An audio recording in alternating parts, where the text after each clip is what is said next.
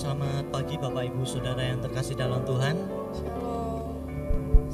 Kami menyambut kedatangan Bapak Ibu Saudara pada pagi hari ini yang sudah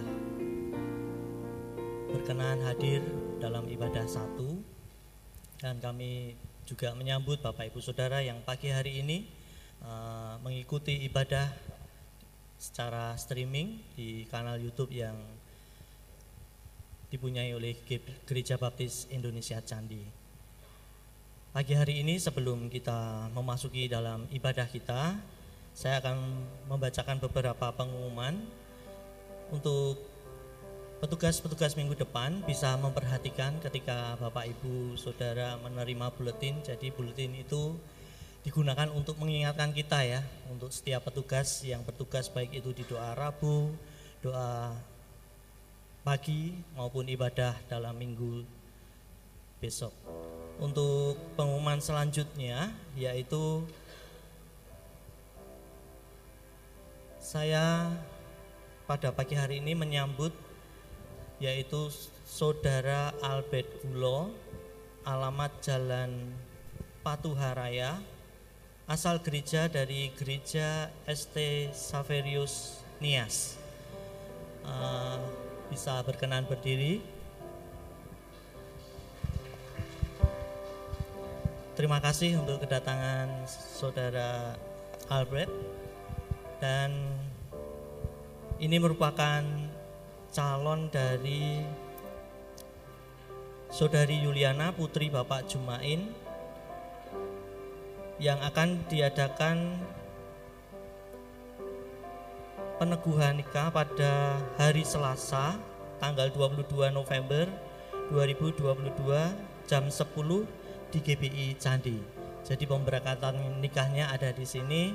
Kedua pengantin bisa berdiri agar jemaat bisa mengenal lebih dekat lagi. Terima kasih. Silahkan duduk kembali. Untuk kegiatan donor darah juga bisa diperhatikan maupun pengumuman selanjutnya juga diperhatikan melalui kotak sosial Natal yang juga tertera di buletin. Juga imbauan jemaat untuk yang belum memiliki amplop persepuluhan bisa meminta kepada panitia keuangan Ibu Arum Jidono atau Ibu Sulis atau Ibu Maria. Dan ketika ibu bapak ibu saudara masuk ke gereja juga sudah menerima lembaran uh, putih ini. Jadi ini adalah hasil dari muger yang sudah diadakan pada hari Rabu. Jadi bapak ibu bisa menyimak melalui lembaran yang sudah bapak ibu terima. Untuk pengumuman selanjutnya berdasarkan muger disepakati bahwa panitia Natal tahun 2022 anggarannya yaitu sebesar 41 juta 5 ribu rupiah. Dan dana yang masuk ke panitia Natal adalah sebesar 23 juta 65 ribu rupiah. Jadi masih ada kekurangan anggaran dana 17 juta sekian jadi bisa diperhatikan Bapak Ibu Saudara, eh, Natal sebentar lagi kita akan rayakan bersama-sama. Jadi marilah kita memikirkan semuanya ini, kita berdoa bersama-sama. Kita yakin bahwa anggaran kekurangan ini bisa kita uh, ikul bersama. Saya yakin Tuhan akan mencukupkan dan bahkan Tuhan akan memberikan kelebihan dana melalui Bapak Ibu Saudara. Dan Bapak Ibu Saudara bila akan memberikan dana bantuan bisa menghubungi Ketua Panitia Natal yaitu Bapak Jidono dan kami percaya bahwa setiap berkat-berkat yang sudah dilimpahkan oleh Tuhan kita kembalikan kepada Tuhan. Amin. Marilah kita akan masuk dan menghampiri Tuhan. Pada pagi hari ini saya mengundang jemaat untuk berdiri. Saya memberikan kesempatan buat Bapak Ibu Saudara mengucap syukur atas setiap hal yang sudah Tuhan kerjakan dalam kehidupan Bapak Ibu Saudara.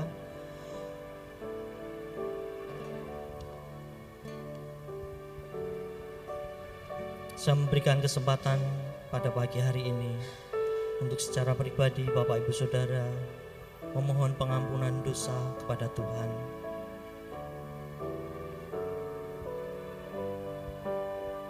Di dalam Mazmur pasal 96 ayat 6 hingga yang ketujuh mengatakan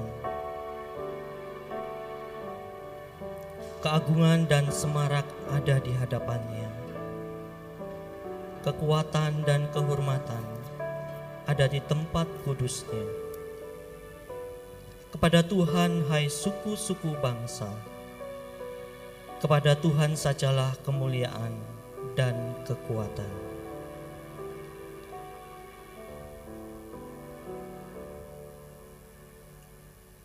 Mari kita menyiapkan hati kita untuk masuk gerbangnya dengan pujian.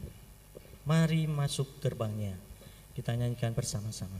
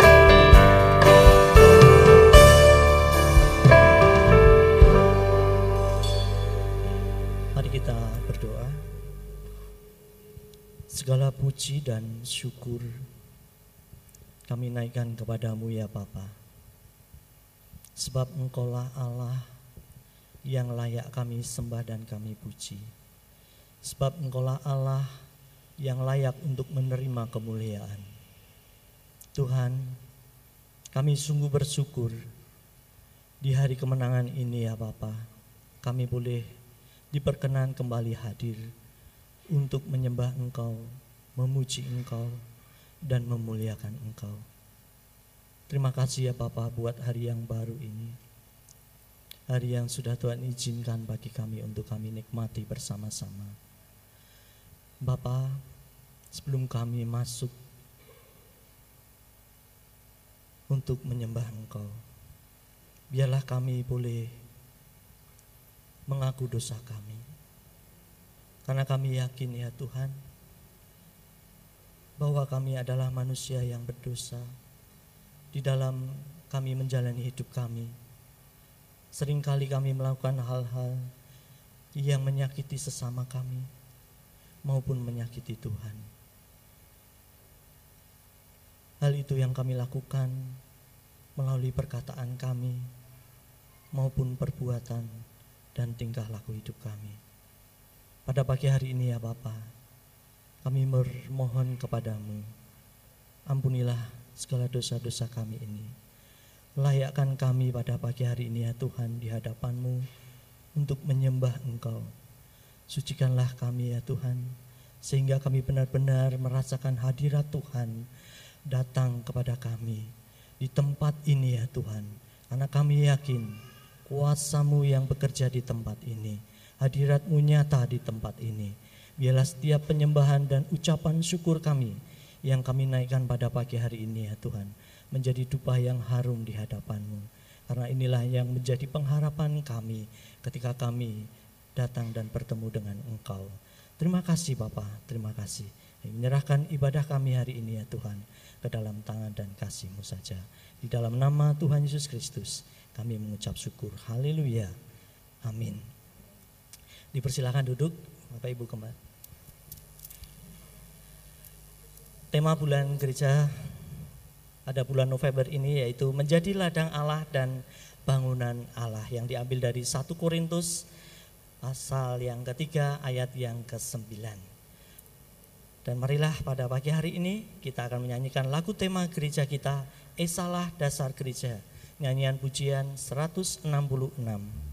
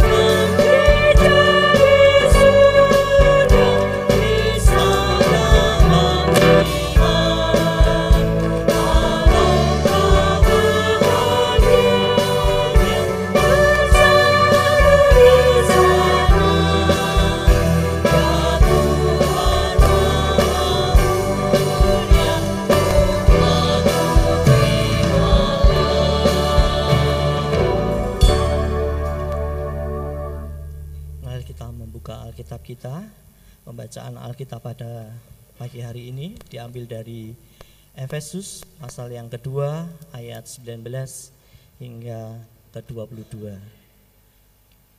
Pembacaan Alkitab akan dibantu dibacakan oleh Ibu Utari. Demikianlah kamu bukan lagi orang asing dan pendatang, melainkan kawan sewarga dari orang-orang kudus dan anggota-anggota keluarga Allah yang dibangun di atas dasar para rasul dan para nabi dengan Kristus Yesus sebagai batu penjuru. Dia di dalam dia di dalam dia tumbuh seluruh bangunan rapi tersusun menjadi bait Allah yang kudus di dalam Tuhan. Di dalam dia kamu juga turut dibangun menjadi tempat kediaman Allah di dalam roh. Amin. Kita akan kembali memujikan. Kita dikenali oleh karena kasih Kristus. Karena Kristus yang telah mengampuni segala dosa-dosa kita. Dan patutlah kita juga setiap berkat-berkat yang Tuhan berikan kepada kita wajib kita mengembalikan melalui persembahan dan persepuluhan kita pada pagi hari ini. Dan sebelum kita memberikan persepuluhan maupun persembahan khusus untuk peduli kasih pada pagi hari ini, marilah kita bersama-sama berdiri kita akan menyanyikan kita dikenali karena kasih Kristus. Kita akan nyanyikan semua bait.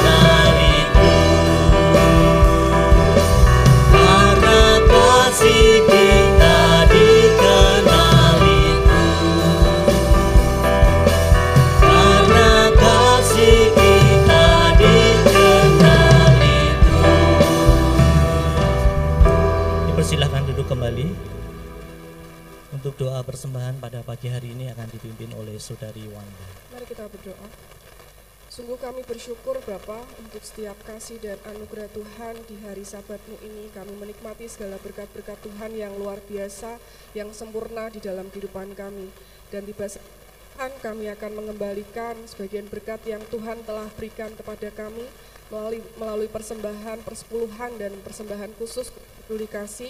Kiranya Engkau yang kuduskan, sucikan persembahan kami ini Tuhan, supaya persembahan kami ini layak dan berkenan di hadapan-Mu Tuhan, dan kami rindu melalui persembahan kami ini, kami dapat semakin mengasihi Tuhan, kami dapat menjadi berkat bagi gereja kami dan sekitar orang-orang yang ada di sekitar kami. Terima kasih Bapak, kami serahkan persembahan persepuluhan dan persembahan khusus untuk peduli kasih ke dalam tangan kuasamu. Di dalam nama Tuhan Yesus kami berdoa. Amin. Pujian jangan lelah akan mengiringi kita pada pagi hari ini dalam persembahan.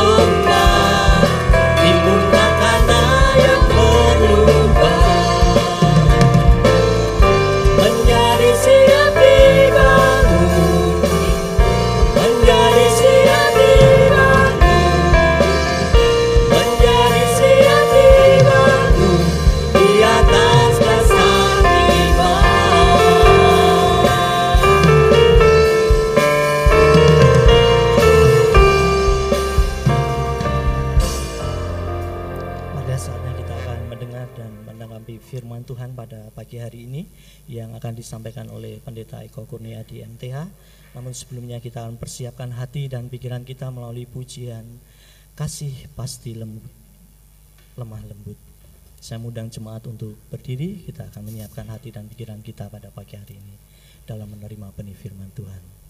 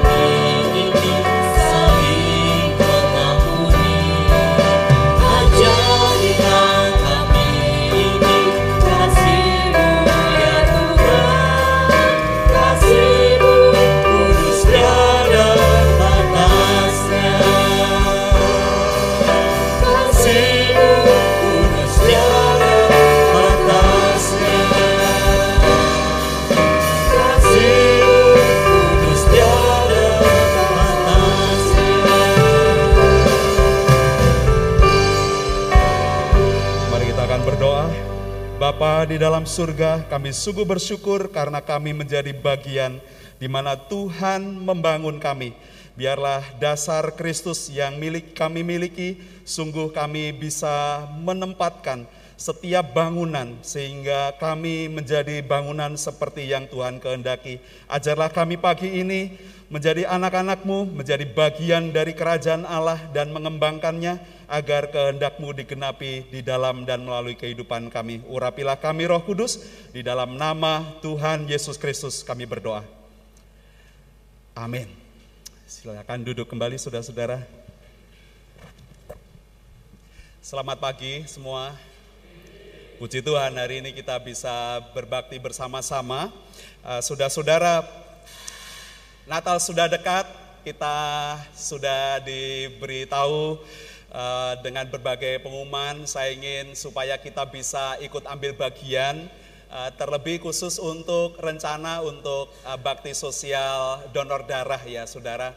Setiap Anda bisa mendaftarkan baru sekitar 11 orang. Ya rasanya nanti kalau PMI datang ke sini hanya 11 orang ya Eh, sayang ya. Jadi silakan saudara bisa ikut ambil bagian tanggal 17 Desember eh, nanti akan dikoordinasikan. Silakan saudara bisa ikut ambil bagian.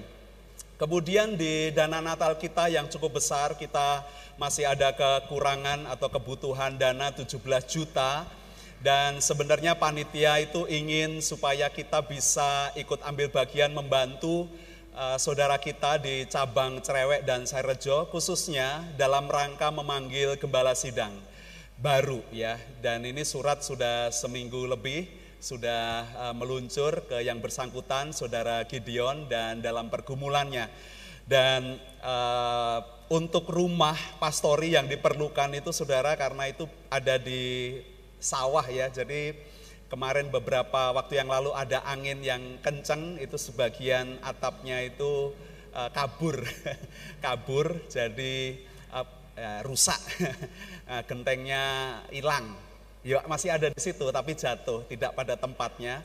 Jadi eh, kita ingin membantu, membangun, eh, memasangkan atapnya supaya aman dan baik untuk eh, pastori rumah tinggal gembala sidang kita di cabang. Jadi eh, cukup besar, makanya 41 juta, tetapi panitia eh, karena panitia memutuskan semampunya. Nah, harapannya semampunya ini saudara-saudara ikut ambil bagian, ya. Mau saudara-saudara? Yang mau dicatat Bu, Bu Utari. ya, biasanya orang itu ada tiga saudara-saudara. Yang pertama itu tahu. Jadi itu masalah orang ya. Tahu tidak tahu. Alkitab memberitahukan kalau orang tahu yang baik tidak melakukan sudah dosa. Jadi itu tahu. Tapi yang kedua ada yang namanya tidak mau ya.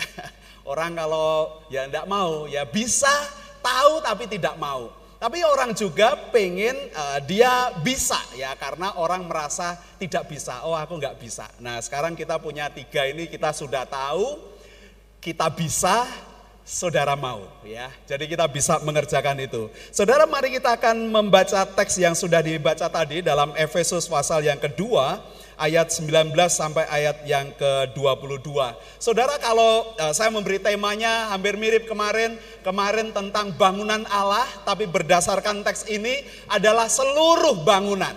Nah, kita menarik saudara di Efesus ini karena setiap kali, beberapa kali Paulus menyebutkan dengan frase seluruh bangunan. Kita bertumbuh ke dalam segala hal di dalam dia. Selalu ada seluruh bangunan. Dan ini eh, saya merasa ini suatu yang spesifik dalam surat eh, Efesus diingatkan kepada kita sebagai anak-anak Tuhan, gereja Tuhan, bahwa apa yang harus dibangun di dalam kita, di dalam setiap saudara-saudara secara pribadi, dalam gereja kita, dalam persekutuan kita adalah seluruhnya saudara-saudara. Seluruhnya bukan saja hanya terkait dengan tujuan-tujuan seluruhnya, tetapi kehidupan Anda, setiap aspek hidup Anda, seluruhnya, seluruhnya menjadi bangunan, menjadi bait Allah, gereja kita seluruhnya saudara-saudara tidak terkecuali. Dan nanti saya akan ekspos beberapa contoh di dalam pelayanan kita bersama-sama yang terkait dengan apa yang ingin kerjakan dalam gereja kita, pelayanan kita, pribadi kita. Seluruhnya menjadi bangunan Allah. Mari kita akan perhatikan saudara-saudara, eh, saya mencari gambar tentang eh, rumah yang tahan gempa, saudara-saudara rumah yang tahan gempa, gedung yang tahan gempa, terutama ini cocok di Indonesia karena daerah kita ini banyak erupsi, banyak gunung berapi, vulkanik ya saudara-saudara. Jadi sangat diperlukan bangunan-bangunan yang tahan gempa. Bangunan-bangunan yang ramah terhadap lingkungan, yang ramah juga terhadap gempa. Jadi gempanya ke mana bisa diikuti. Nah biasanya bangunan-bangunan ini saudara-saudara mereka punya pondasi yang ditanam dengan sangat kuat dan sangat dalam. Ada paku-paku eh, bumi yang ditancapkan dengan sangat kuat dan sangat dalam. Dan juga ada bagian di dalam pondasi itu ada bagian yang fleksibel, saudara-saudara, bukan karet ya, tetapi fleksibel dan ada dihubungkan beberapa uh, instrumen supaya masing-masing pondasinya, pilar-pilar itu uh, mudah untuk mengikuti uh, goncangan ya. Jadi mereka akan mengukur saudara-saudara berapa getaran skala Richter di mana gempa itu ada di suatu tempat dan setiap tempat uh, sangat berbeda variasi uh, terutama di Indonesia. Dan kalau itu adalah bangunan bertingkat saudara-saudara di tengahnya juga ada ring yang dipasang itu juga mengikat se sesisi yang lain antar sisi mereka supaya bisa fleksibel dan uh, perlu sekali juga dengan bangunan-bangunan yang ringan dan di atasnya itu diberikan bandul supaya itu menjadi poros, menjadi center, menjadi epicentrumnya bangunan itu sehingga dia akan ramah terhadap gempa.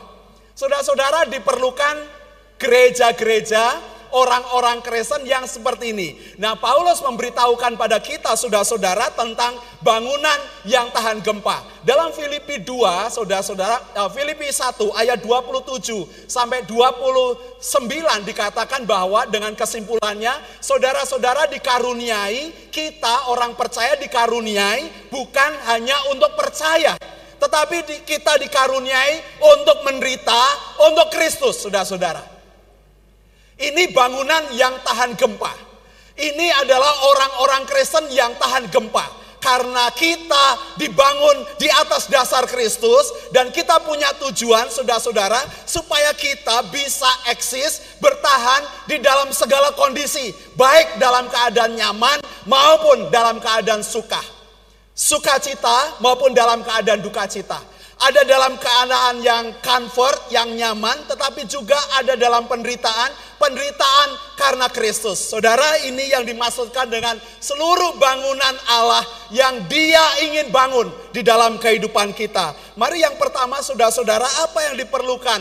Kalau gereja, kalau persekutuan kita, kalau setiap keluarga kita, orang-orang percaya hidup dengan mau menjadi seluruh bangunan Allah yang dibangun ke dalam seluruh apa yang Tuhan kehendaki. Segala hal kita bisa dibangun di dalam Kristus. Saudara, bagian yang pertama dalam ayat yang ke 19 disebutkan supaya kita saudara dikatakan di situ demikianlah kamu bukan lagi orang asing dan pendatang melainkan kawan sewarga dari orang-orang kudus dan anggota-anggota keluarga Allah.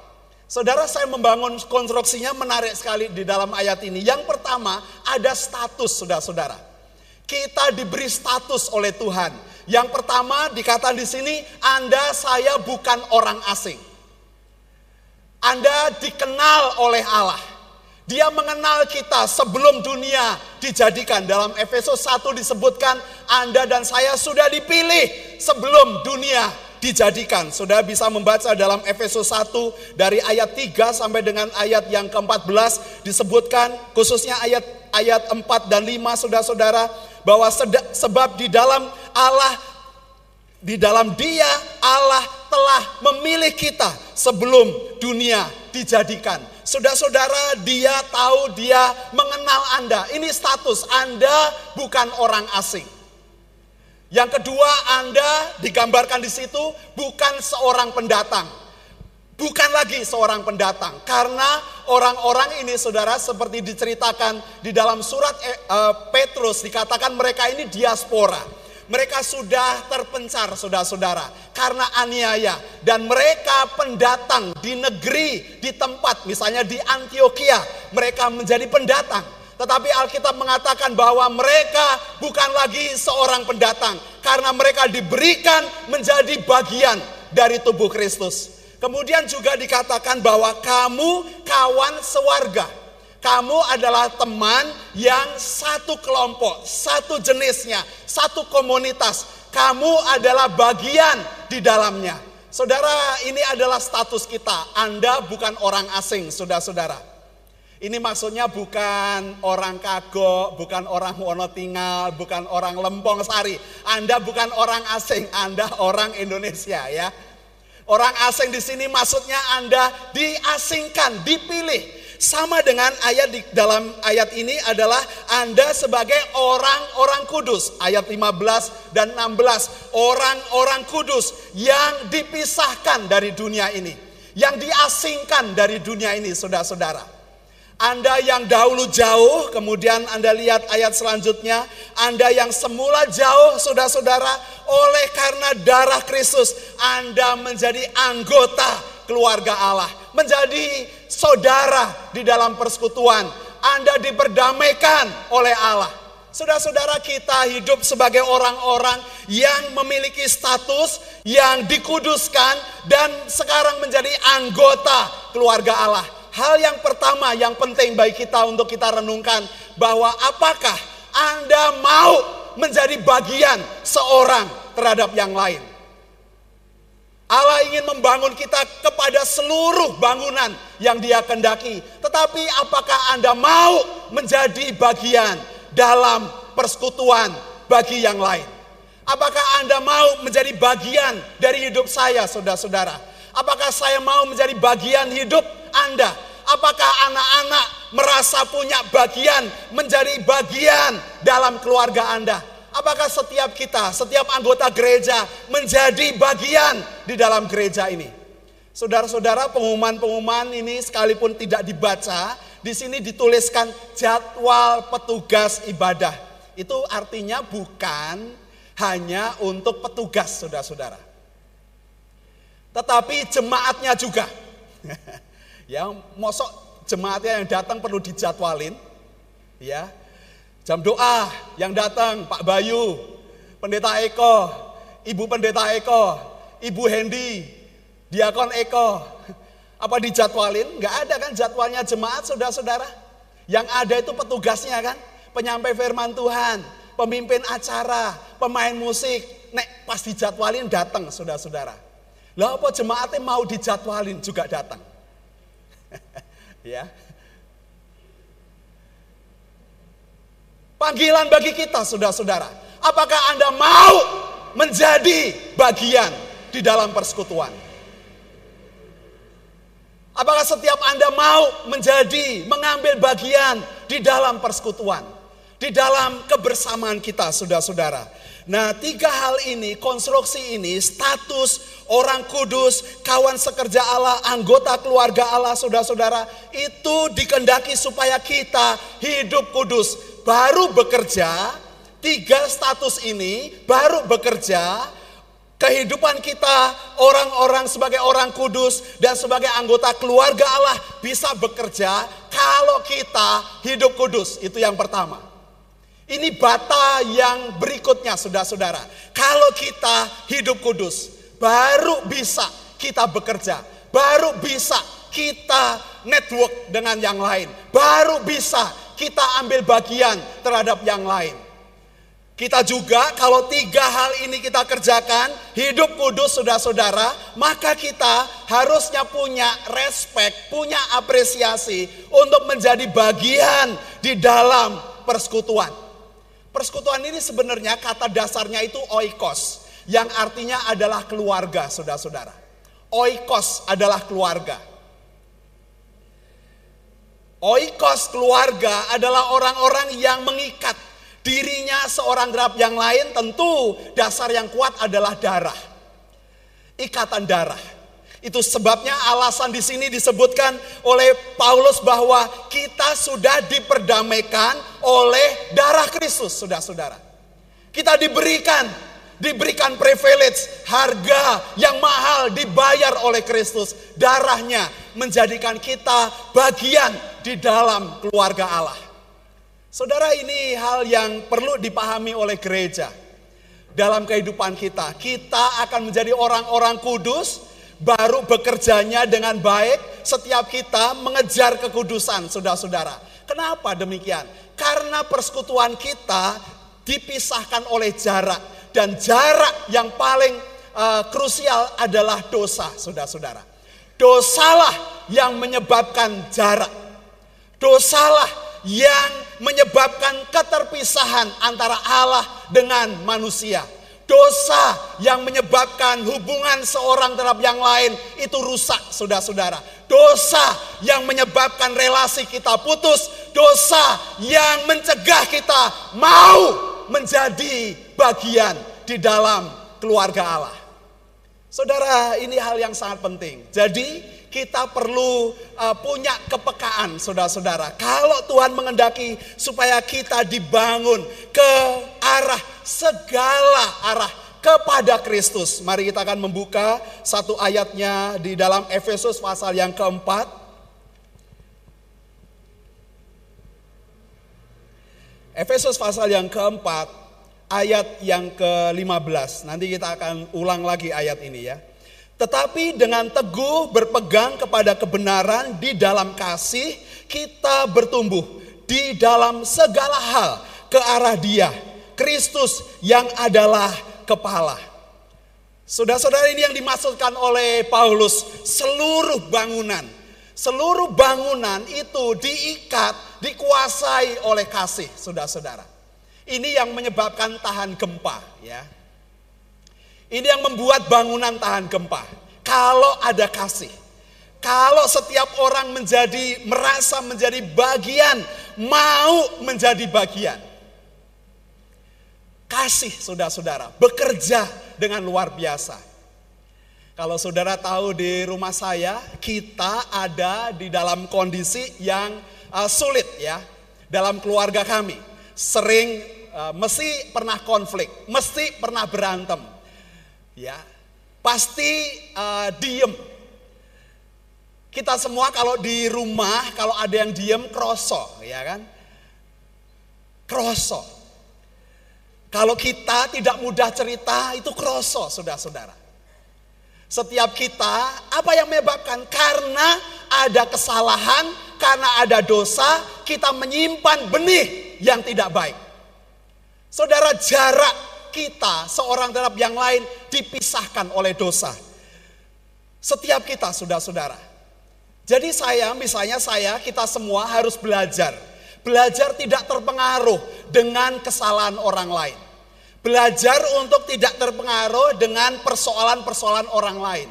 Kalau seandainya kita seorang yang sedang membangun rumah, saudara-saudara, kalau seorang seorang terhadap yang lain baperan ya, misalnya Pak Pendeta ini baperan, maka gampang kecewa, gampang putus asa, saudara-saudara, gampang menyerah. Bekerja, yo bekerja, masih sama-sama bekerja. Oh yo tetap bangun, sama-sama oh tetap mengerjakan. Tapi jarak kita dipisahkan oleh dosa, oleh kesalahan, oleh benih yang jahat yang ditanam. Kitab Ibrani mengatakan kalau kita menanam benih itu dalam hati, maka akan menimbulkan akar kepahitan dan kepahitan itu akan merusak merusak persekutuan merusak kerukunan, saudara-saudara. Saudara, seperti dalam uh, surat tema kita 1 Korintus pasal yang ketiga dari ayat ketiga sampai ayat yang ke sembilan menyebutkan tentang ketidakdewasaan orang-orang di Korintus karena mereka tidak mengejar hidup kudus. Kekudusan mereka tidak didasarkan oleh kasih, itu alasan Paulus dalam kitab Efesus ini lengkap. Dia menyebutkan kita membangun diri kita ke dalam segala hal di dalam kasih. Kita bertumbuh di dalam segala hal. Jadi saudara kalau yang kerja di atas pengennya cepat. Cepat ya, pengennya cepat. Kerja yang di bawah supaya cepat. Karena yang di atas mungkin kepanasan. Kalau yang di bawah mungkin sudah adem. Bisa leren-leren. Kalau di atas nggak bisa. Lereno kepanasan ya Saudara-saudara kita belajar mungkin ada orang-orang yang demikian. Tetapi kita dalam persekutuan, dalam gereja Tuhan, pertanyaan yang paling penting yang pertama, apakah Anda dan saya mau menjadi bagian? Yang kedua, saudara-saudara, yang kedua Paulus mengingatkan pada kita dalam ayat yang ke-21 khususnya, saudara bisa lihat pasal yang sama di ayat yang ke-21. Di dalam dia tumbuh seluruh bangunan, rapi tersusun, menjadi bait Allah yang kudus di dalam Tuhan. Di dalam perikop ini pun juga disebutkan tentang seluruh bangunan, saudara-saudara. Seluruh hal harus bertumbuh. Nah, gereja, saudara ini aplikasinya gereja itu harus memiliki tekad untuk menjadi seluruh bangunan yang dikehendaki oleh Tuhan tanpa terkecuali. Setiap kita saudara-saudara, bukan hanya pendetanya saja, bukan hanya pemimpin-pemimpin gereja. Makanya pemimpin-pemimpin gereja itu dipandang sebagai level yang tinggi. Meskipun di hadapan Tuhan semua kita sama saudara-saudara. Punya tanggung jawab yang sama. Punya peran yang sama di bagian-bagian yang berbeda. Saudara, Apakah kita, gereja kita, persekutuan kita punya tekad yang sama, mau mau menjadi gereja yang dibangun ke seluruh bangunan yang dikehendaki oleh Tuhan. Saudara, diperlukan tanda-tanda kehidupan. Yang pertama, kita mau bertumbuh, saudara-saudara. Kita mau bertumbuh di dalam kasih. Kalau saudara membaca dalam Efesus pasal yang keempat, saudara bertumbuh di dalam pengetahuan doktrin, pengetahuan, pengenalan tentang Kristus, pengetahuan tentang anak Allah. Anda mau bertumbuh, Anda mau belajar, saudara-saudara. Anda juga mau bertumbuh untuk bekerja sama seorang terhadap yang lain supaya kita tidak mudah diombang-ambingkan oleh rupa-rupa angin pengajaran ini yang namanya tahan gempa. Orang Kristen yang tahan gempa, gereja yang tahan gempa. Makanya di gereja baptis itu saudara-saudara tidak ada satu pemimpin gereja yang top ya, top leader itu tidak ada ya. Yang top the best itu tidak ada, semua itu sama saudara-saudara. Nah menurut survei dalam uh, uh, NCD Natural Church Development dikatakan bahwa ini adalah salah satu ciri gereja yang tahan gempa. Kalau pendetanya mati, gerejanya tetap eksis. Berapa banyak gereja yang pemimpin top leadernya mati atau pergi, gerejanya hilang, saudara-saudara. Banyak demikian. Tetapi salah satu gereja yang diriset dan ini uh, sudah dibandingkan ada satu juta enam ratus ribu uh, questioner dan meneliti semua gereja di seluruh dunia saudara-saudara. Salah satu ciri dari gereja kita adalah gereja yang tahan gempa. Saudara apa yang dimaksudkan? Saudara kalau Anda membaca dalam Efesus pasal yang keempat ini adalah bagian di mana Kristus menjadi pondasi yang penting bagi kita. Kita membangun segala hal, bertumbuh dalam segala hal di dalam kasih. Saudara, Kristus ingin kita juga menjadi bangunan yang rapi tersusun. Kalau saudara mengamati pelayanan kita, meskipun kita tidak menulis daftar jadwal di sini setiap orangnya, tidak setiap kegiatan ada di sini saudara-saudara, tetapi setiap bagian di mana pelayanan ada banyak kelas-kelas pelayanan dibuka untuk Anda bisa terlibat ambil bagian di dalam pelayanan. Ada seorang pengunjung di gereja kita berkata, aku kok nggak pernah diberi pelayanan. Saya tidak pernah dijadwal pelayanan. Ya, kalau tidak ngomong tidak tahu, saudara-saudara. Kalau ngomongnya tidak tepat kepada sasarannya, misalnya tidak langsung kepada saya, via via via kelamaan kan sampai ke saya. Bagaimana setiap orang terlibat pelayanan. Dibandingkan itu anggota gereja yang jarang datang tapi diberi tugas terus. Saudara tidak mudah di dalam persekutuan pelayanan kita, ya. Ada yang aktif, yang datang dan berkata, "Saya kok tidak diberi tugas pelayanan." Tetapi yang tidak pernah datang diberi tugas pelayanan. Dan waktu datangnya waktu pelayanan, saudara-saudara. Kalau itu terdengar saya, saudara, ini nangis saya itu. Aku tuh nangis ya, saya respect, saya mengasihi. Saya respect kepada orang yang ingin melayani. Saya mengasihi orang kenapa tidak seperti harapan anggota gereja yang lain. ya Yang ingin dan rindu pelayanan. Tapi belum ada kesempatan. Kita semua harus bertumbuh di dalam kasih saudara-saudara yang rapi tersusun. Saya berkata kepada mereka, itu alasan masuklah ke kelas pelayanan supaya dikelola dengan baik. Masuk ke sana. Masuk ke kelas pelayanan. Kita tidak tahu setiap karunia talenta yang ada dalam jemaat kita, saudara-saudara. Kita ingin mengumpulkan itu dan supaya setiap orang disusun dengan rapi, teratur, saudara-saudara. Gereja kita dengan kelas pelayanan ini artinya mengerjakan pelatihan-pelatihan untuk kebutuhan di gereja kita. Bukan hanya setahun sekali, bukan waktu pengen sudah saudara, tetapi secara reguler saudara kita perlu lakukan. Setiap orang mau bertumbuh saudara-saudara, wes aku ngene wae, wes ora popo, ngene wae. Sing penting aku teko minggu ning gereja.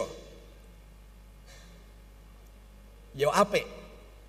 Saya mengasihi orang seperti ini. Saya respect mereka, saudara-saudara.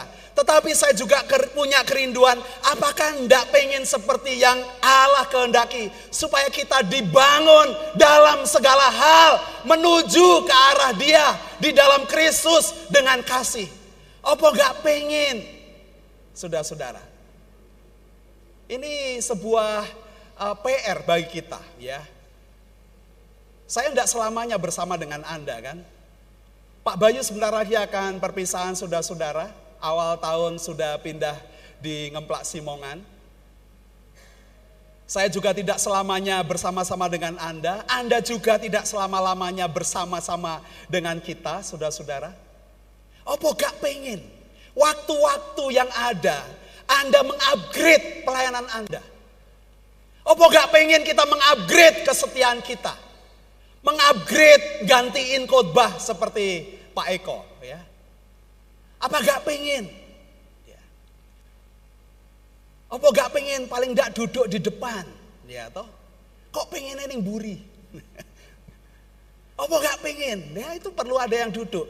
Pak Bayu kok gak duduk di depan? Apa mau merasa sudah mau pergi jadi waduh gak merasa pantas di situ, saudara-saudara. Saudara-saudara, apakah setiap Anda gak pengen mengupgrade diri Anda? Ya, Anggota gereja kita yang baru, saudara-saudara, ada antusias, ada mau datang, ada mau ikut ambil bagian, dan dilihat anggota gereja yang lain. Saudara-saudara, saya tidak mengkritik waktu pekerjaan Anda, capeknya Anda, kesibukan Anda. Saya menghargai. Saya menghargai, tetapi saya juga mengasihi, saudara-saudara. Saya tidak mengkritik, sedang mengkritik kita, saudara-saudara. Tetapi opo gak pengen Anda, saya, gereja kita punya tekad yang lebih daripada kemarin. Apa gak pengen kita menjadi bangunan yang seperti Tuhan kehendaki, yang kudus saudara-saudara. Yang rapi tersusun dan kudus saudara. Ayat yang ke-24 disebutkan supaya kita menjaga kebenaran kita dengan kekudusan dan kekudusan di dalam dia. Saudara-saudara kita perlu membangun membangun diri kita. Keluarga-keluarga Anda harus dibangun dengan kekudusan. Suami dan istri tidak akan pernah dekat saudara-saudara karena mereka tidak punya hubungan darah, ya, tidak ada hubungan darah. Tapi kalau dengan anak punya hubungan darah. Kalau mengasihi mesti mengasihi. Anda, suami, istri, keluarga kita ada yang tidak ada hubungan darah, saudara-saudara. Saya dengan istri saya tidak ada hubungan darah. Suami dan istri. Tapi ngopo aku iso nih istri saya? Karena ada kasih, saudara-saudara. Karena istri saya mau berkorban untuk saya, kenapa? Karena ada kasih, diikat di dalam kasih. Dan mau bertumbuh. Mau bertumbuh seorang terhadap yang lain. Mau bisa menerima seorang terhadap yang lain. Saya tidak sempurna sebagai seorang suami, Istri saya melengkapi saya, saudara-saudara. Istri saya tidak sempurna, kami orang tua tidak sempurna, dilengkapi oleh anak kami. Ditegur, dinasehati. Ya, anak-anak itu juga bisa bisa menyampaikan teguran, nasihat kepada orang tua dengan caranya, saudara-saudara. Kami juga orang tua bertumbuh membimbing mereka di dalam kasih. Saudara-saudara kita diikat di dalam hal ini? Apakah kita tidak punya tekad, keluarga kita tidak punya tekad untuk membangun diri kita seperti seluruh bangunan yang Tuhan kehendaki, saudara. Di dalam setiap aspek kehidupan kita. Saya buat quote saudara-saudara, tanda kehidupan itu ada kemauan untuk bertumbuh. Kalau ada mau bertumbuh, itu berarti ada tanda kehidupan.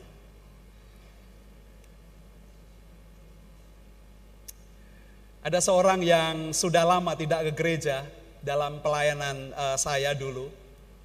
Kemudian saya berkunjung pada dia. Yo aku ngomong ya begini saudara. Lah kenapa ndak ke gereja? Salahku apa? Oh ndak ada, Pak Pendeta ndak salah. Oke, kalau ndak salah dengan saya, salahnya apa? Oh dengan orang ini Pak bla bla bla bla. Oh baik, ada persoalan dengan jemaat. Lah kamu bisa mengampuni ndak? Ya bisa. Tetapi, loh kalau bisa ya jangan ada tetapi ya. Sebenarnya tetapi, ya kalau udah ada sebenarnya tetapi berarti tidak ya. Oke, kalau nanti saya bilang sama orangnya dan dia bisa ngampuni kamu, oke, apakah kamu mau mengampuni? Ya. Ya udah, kalau sudah ini orangnya sudah mengampuni, kamu sudah mengampuni, siap bertemu, oke. Sesok ning gereja ya. Loh, ora iso ngono to, Pak. Loh, lah piye? Oh ya. Kemudian lah terus piye? Aku pengen Anda ke gereja. Saya ingin Anda menjadi bagian, mau menjadi bagian dalam tubuh Kristus. Anda harus bertumbuh. Ya di tempat ini Anda bisa bertumbuh. Saudara-saudara, apakah punya kemauan untuk bertumbuh? Itu tanda kehidupan. Yang kedua, apakah kalau sudah mau bertumbuh, apakah kita mau menjadi bagian seorang terhadap yang lain? Menjadi bagian. Menjadi bagian dalam pelayanan mereka. Menjadi bagian di dalam keluarga Anda. Nah itu hal yang sangat penting yang diingatkan oleh Paulus dalam kehidupan kita. Gereja kita biarlah menjadi gereja yang punya tanda kehidupan karena diisi oleh orang-orang yang punya kemauan, tekad untuk mau bertumbuh dan mau menjadi bagian seorang terhadap yang lain. Amin. Mari kita berdoa.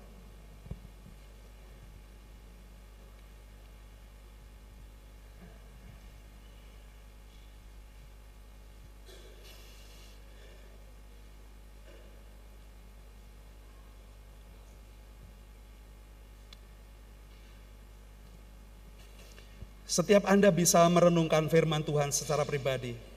Mungkin di antara saudara ada yang mau mengambil keputusan, Tuhan aku mau percaya kepadamu sebagai Tuhan dan Juru Selamat. Jadikan dia pondasi kehidupan Anda. Silakan saudara-saudara, Anda bisa memberi diri Anda, ada kami, ada pendeta Noguchi, ada Pak Bayu, silakan saudara-saudara. Ini kesempatan bagi kita untuk merespon panggilan Tuhan. Apakah saudara mau menjadi bagian di dalam gereja ini, menjadi anggota keluarga Allah? Anda mau terlibat di dalam pelayanan, mau lebih dalam lagi, saudara-saudara.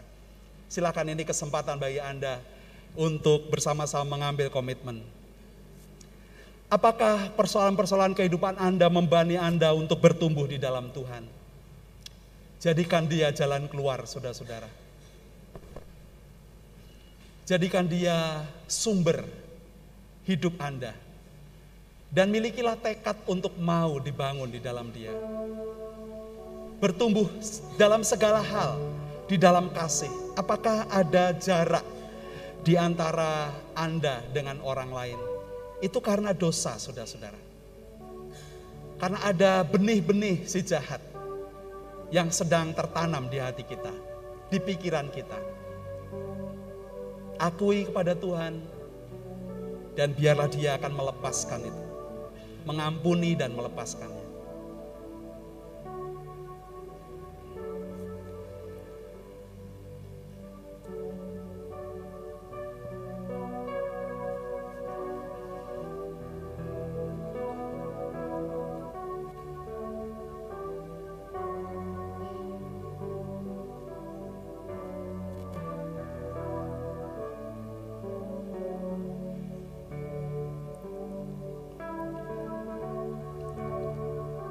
Terima kasih Pendeta Noguchi, Pak Bayu.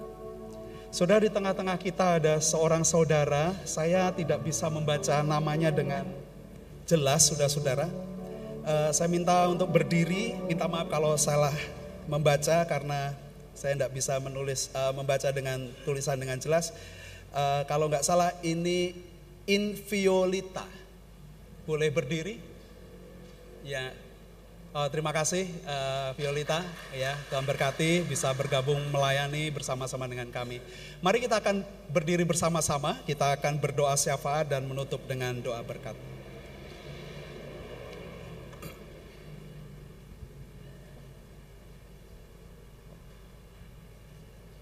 Bapa di dalam surga, kami bersyukur. Kami menjadi kawan sekerja Allah dan kami juga menjadi kawan sewarga di dalam persekutuan kami di gereja ini. Terima kasih untuk setiap pelayanan yang boleh Tuhan beri kepada kami. Menjadi tugas dan tanggung jawab kami. Kami bersyukur karena kami juga menjadi jemaatmu yang biarlah kami terus memiliki tekad untuk mau bertumbuh ke dalam segala hal ke arah Kristus. Dan membangun diri di dalam kasih di dalam kasih dalam persekutuan. Bapa, kami mohon kepadamu Tuhan, Engkau terus berkati persekutuan kami, supaya kami menjadi hidup kudus, kami menjadi bangunan yang terus mau bertumbuh, kami menjadi bangunan yang rapi tersusun, dan kami juga menjadi kudus, kami dibuat, didesain oleh Tuhan untuk dunia ini. Kami dibentuk oleh Tuhan untuk dunia ini.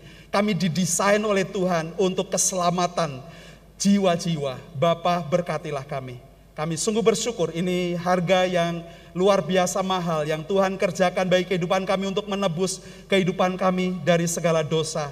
Dan biarlah kami menjadi tubuh Kristus yang semakin kokoh, semakin bisa mempermuliakan Tuhan di dalam dan melalui kehidupan kami. Terima kasih Tuhan, saat ini kami bersyafaat secara khusus untuk bangsa kami, khususnya minggu depan dalam konferensi G20. Kami bersyukur dengan semua persiapan yang sudah dilakukan dengan sangat baik oleh pemerintah kami dan agenda 17 uh, kepala negara bersama dengan delegasi yang datang di Bali dan kami berdoa biarlah menghasilkan keputusan komunike bersama ada kesepakatan dalam ekonomi dan pembangunan global. Dan khususnya biarlah seluruh negara yang ada di dalam konferensi G20 ini dapat mencapai kata sepakat bagi pemulihan uh, pandemi secara global, pemulihan uh, kesulitan pangan, krisis pangan, krisis energi dan perdamaian dunia dapat diusahakan. Bapak berkatilah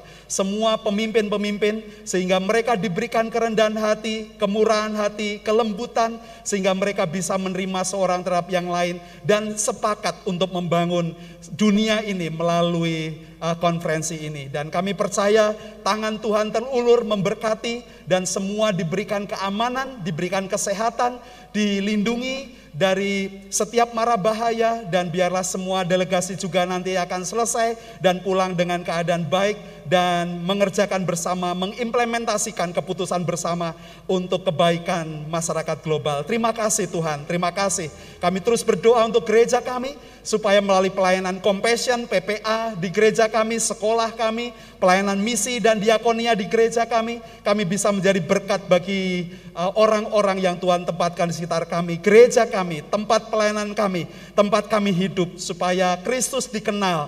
Kami bisa mengerjakan nilai-nilai kerajaan Tuhan, mewujudkannya di dalam kehidupan kami. Terima kasih Bapak. Inilah doa dan permohonan kami. Kami naikkan di dalam nama Tuhan Yesus Kristus. Kami berdoa. Jemaat Tuhan, pulanglah, bawalah berkat dan kasih sayang dari Bapa di dalam Tuhan Yesus Kristus dan Roh Kudus, dengarkanlah dia. Maka dia akan memberitahukan jalan-jalannya kepadamu sehingga engkau diberkati. Diberkati dengan kasih dan sukacita. Kebajikan dan kemurahan Tuhan akan mengikutimu ke mana pun kau pergi. Engkau akan diberkati dengan kesehatan, perlindungan dari segala macam penyakit dan bahaya dia akan memberkatimu dengan anak-anak, keturunanmu akan menjadi berkat bagi bangsa-bangsa. Dia akan memeliharakan kehidupanmu secara total, melimpahkan rezeki dengan murah hati, dan setiap tangan-tanganmu yang bekerja diberikan keterampilan, keberhasilan, dan keberuntungan. Dan saksikanlah pada orang lain apa yang sudah Bapamu perbuat dalam kehidupanmu sehingga orang melihat perbuatan Bapamu yang baik, Bapa yang engkau sembah itu, dan mereka juga menyembah Bapamu yang di sorga. Terima kasih Tuhan Yesus. Inilah ibadah kami, korban syukur dan puji-pujian. Kami naikkan untuk Engkau saja, Yesus Kristus, kepala gereja kami dari sekarang sampai selama-lamanya. Haleluya. Amin.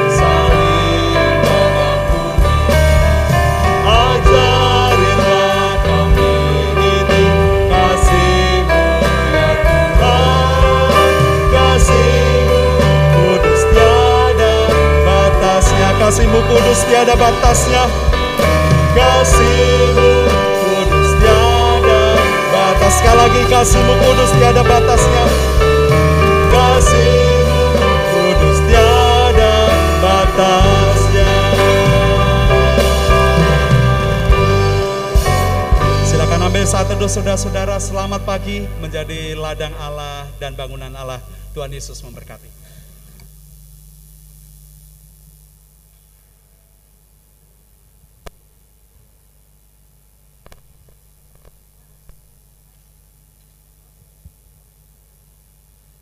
Selamat pagi, selamat hari Minggu, Tuhan Yesus memberkati.